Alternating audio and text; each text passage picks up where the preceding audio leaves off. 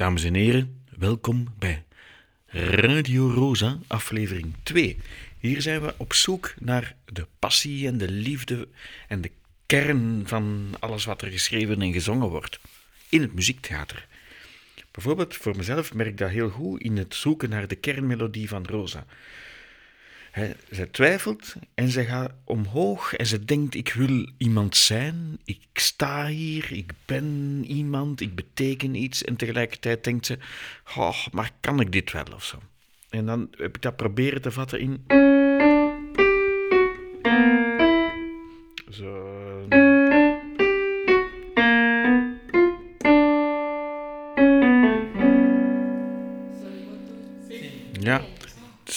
Dat is, zo ging het zoekproces.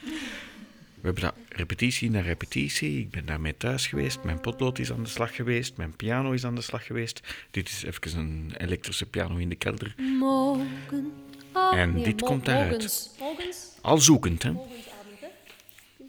Eh, voilà, volg even mee. We zijn in Radio Rosa, aflevering 2. De passie. Angeklemmt. Sag ich dir, sobald ich wieder die Nase ausstecken kann, werd ich jagen, hetzen mit Trompeten, Geschall und Blut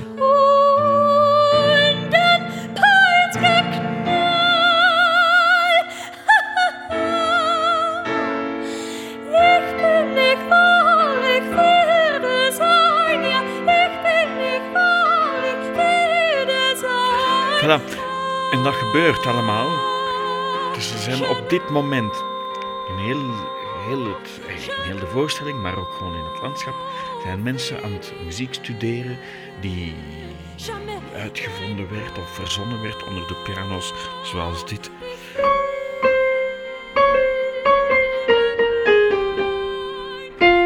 Allemaal in kelders, achter, achter piano's, het romantische beeld van componisten enzovoort. En dat is een combinatie met mensen die dat dan ook willen zingen. Mensen die dat willen uitvoeren, omdat ze denken, oh ja, dit eh, wil ik graag uitvoeren, want dat gaat betekenis hebben, dat gaat kracht hebben. En dan hebben we daar ook nog mensen boven die dat regisseren. Die zeggen, ik ga hiervan een groter geheel maken dat betekenis heeft. Die huren dramaturgen in enzovoort.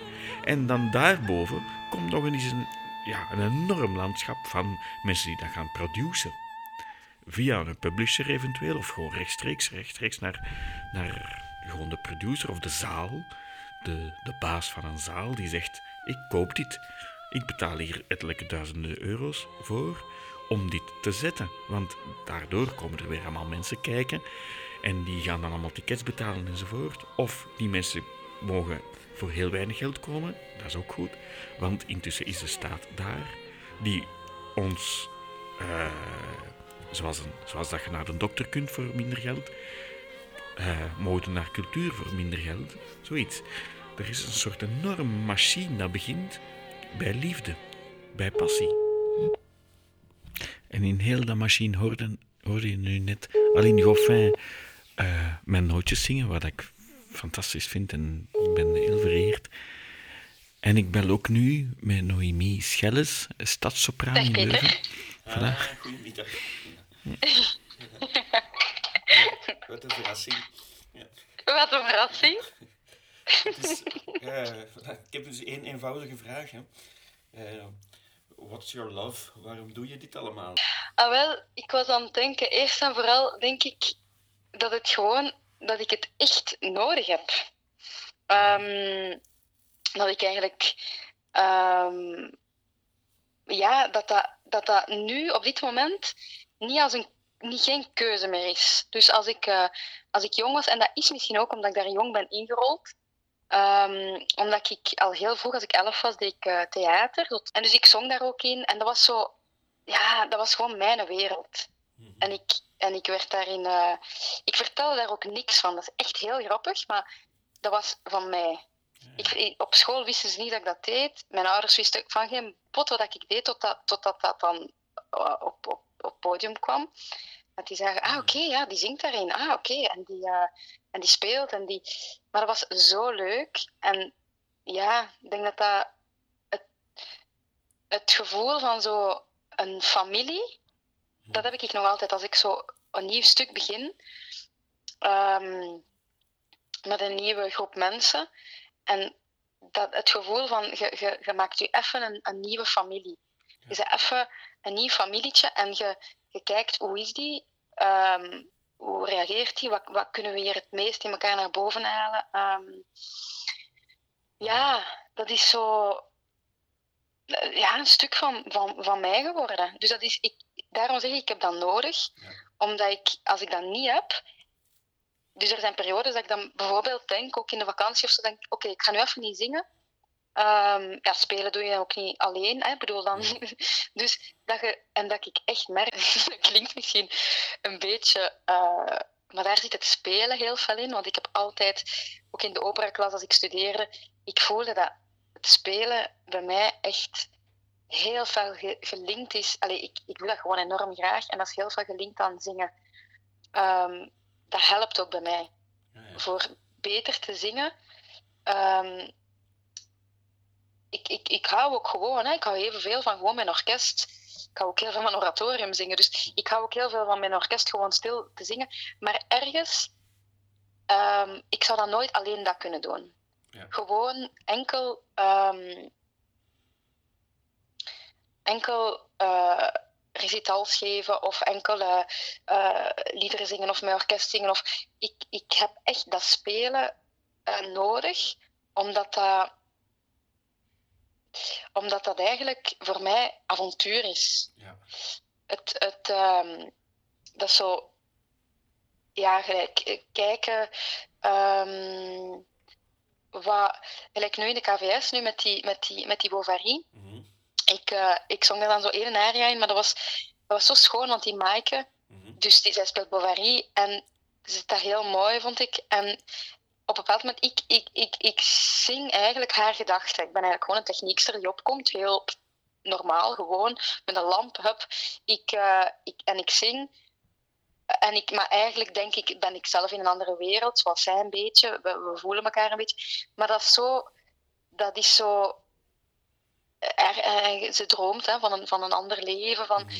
en ik vind dat zo, zo tof om dat even zo te kunnen voelen. Dat, dat is eigenlijk een beetje een, een vlucht ook. Gelijk, gelijk ehm, ik, mis dat, ik mis soms alle levens dat ik niet kan leiden. Ja.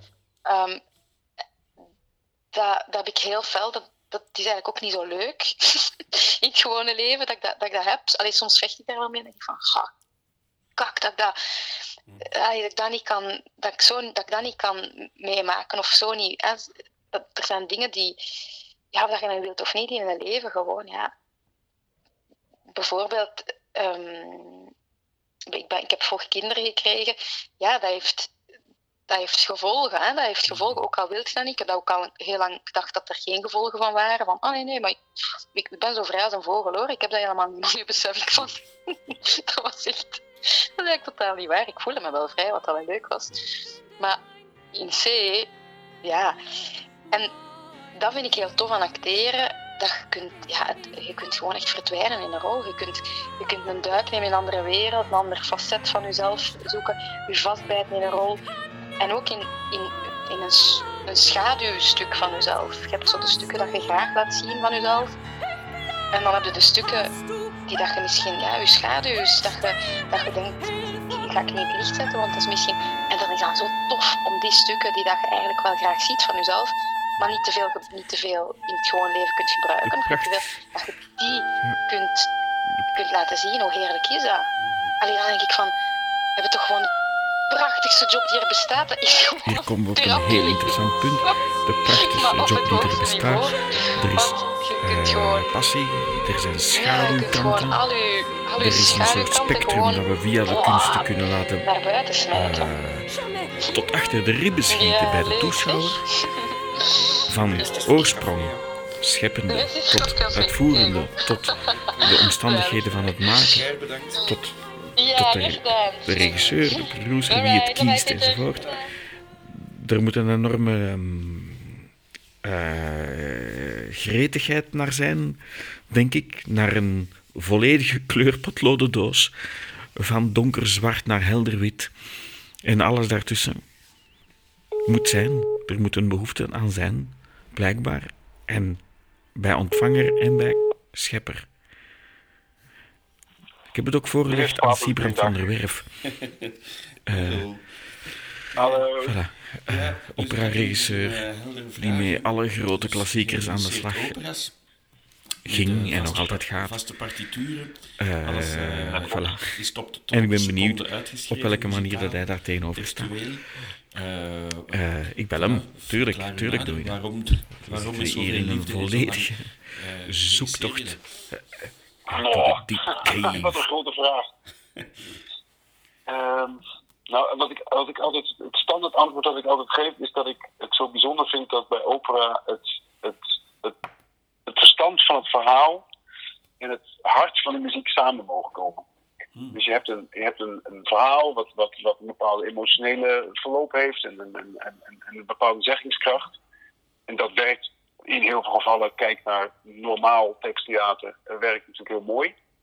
Maar op het moment dat, het, dat de muziek dat versterkt en, en eh, opheft, dan, is het, dan wordt het plotseling eh, ons, on, ontsnapbaar. Eh, eh, eh, je, je kunt niet meer ontsnappen aan die zeggingskracht van dat verhaal. En dat vind ik iets wat opera als geen andere kunstvorm kan. Mhm. Ja, ik, daarom hou ik ook zo dat opera vaak dichtbij komt. En niet zo een beetje eh, op, op rij 45, dat je daar Ja. verderop een paar Playmobil poppetjes heen en weer geschoven ziet worden. Dan mis ik precies wat zij beschrijft net, dat ja, die fysieke energie die het, die het genre ja, automatisch in zich draagt. Absoluut. Ja. En is dat al repeterend ook? Ja, ja. Ehm, ja, ik, ik- ben niet voor niks regisseur geworden. Ik ben, ik ben ook heel erg enthousiast over repeteren. Ik vind voorstellingen, natuurlijk is het heel fijn om dat te delen wat je moet doen. En daar, daar vindt uiteindelijk de magie plaats in die zin dat je de, de overdracht naar het publiek, daar, daar doen we het uiteindelijk voor. Maar binnen het ambacht, binnen het ambachtelijke aspect van mijn vak, vind ik in dat repeteren dat je daar ja, dat je ook eh, eh, probeert te bedenken hoe krijgen we dit voor elkaar? Hoe krijg je dit gesteund? Eh, Ja. hoe, hoe werkt dit precies? Dat, dat, de- en dan bedoel ik het, het, hoe werkt het fysieke gedeelte van het vak? Ja. Ja, dat is, dat is, dat is superleuk werk. En, en ook daar, het, het vereist veel, nou ik wil zeggen kennis, maar laat ik, het- laat ik het anders zeggen, het vereist veel ervaring. Dat je weet van, oh, maar volgens mij moet je even zo gaan zitten, want dan kan je dat beter voor elkaar krijgen. Ja, ja, ja. En, het, en, het, en, het, en daar dan juist weer de, de, de in opzoeken. Kijk, je hebt natuurlijk bij opera heel vaak een, ehm, een hang naar het perfecte. We zijn gewend aan, ehm, eh, ja, met dank aan cd's en Spotify enzovoort. ja, ja, ja. we zijn de perfecte voorstelling gewend. En dus verwacht men ook in een live voorstelling dat alle puntjes op alle i staan. ja. En dat vind ik, als je het dan hebt over het fysieke aspect van het vak, het feit dat je bijvoorbeeld in Pagliacci eh, eh, de hoge C als tenor, ja, dat hij het randje heeft van ik haal het eigenlijk net niet, ja, dat is natuurlijk eigenlijk wel super tof. ja. Nou, En, en- en daar zit een soort, eh, ja, dat, dat, en dat vind ik een beetje, dat vind ik soms een beetje ingewikkeld aan het vak. Het is zo dichtgetikt en het is zo, eh, eh, ah, het is, we staan met zoveel heilige huisjes. mhm. Dat is, dat is zeg maar niet de liefde Ja. die ik deel met opera. Ja, ja. Nou. Dat is, een, eh, een, een gloedvol pleidooi eigenlijk. Nou, het gekke is dat het, het is een, eh, het, ehm, het, eh, bijna iedereen die vanuit mijn vak, het is grappig dat het, het is echt een soort liefde inderdaad. Het is een- en het is ook een soort haat-liefde verhouding.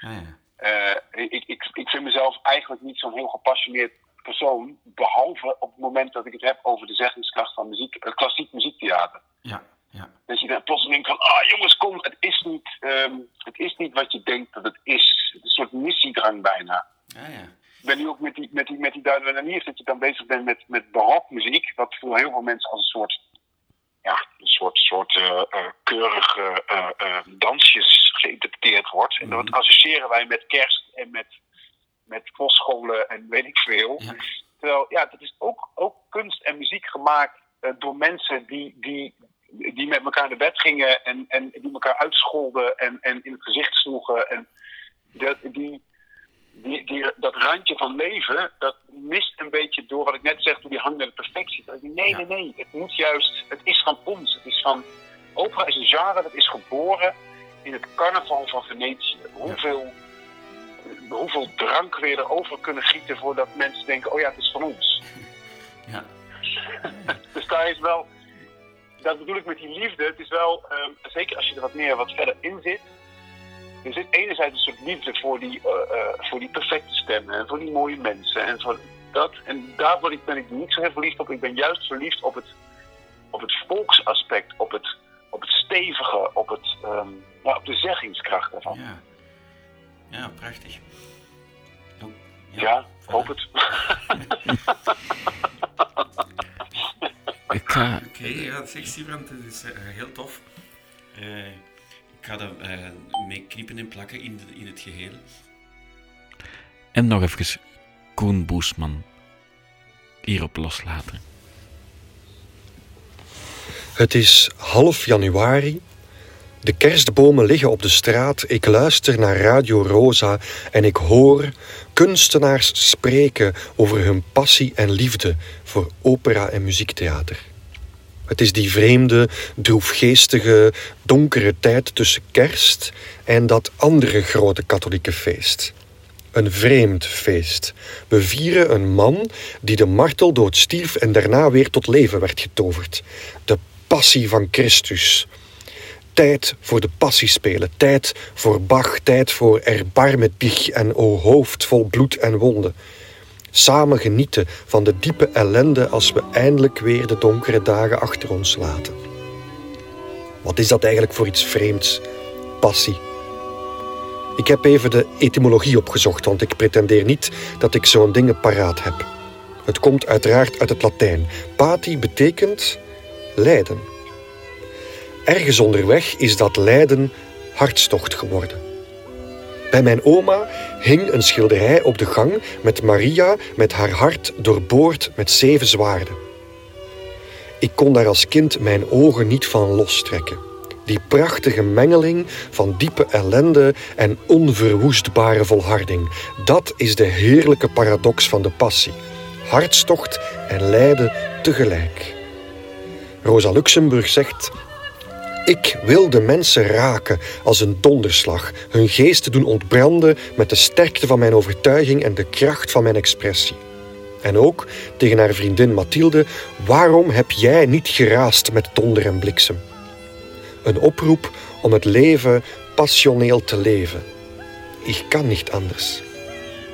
Maar dat dat onvermijdelijk samengaat met lijden, ook dat leert ons het verhaal van Rosa Luxemburg. Kom, kom de kerstbomen maar halen met die vuilniskar. Erbarme dich, mein Gott, um meiner zeren willen.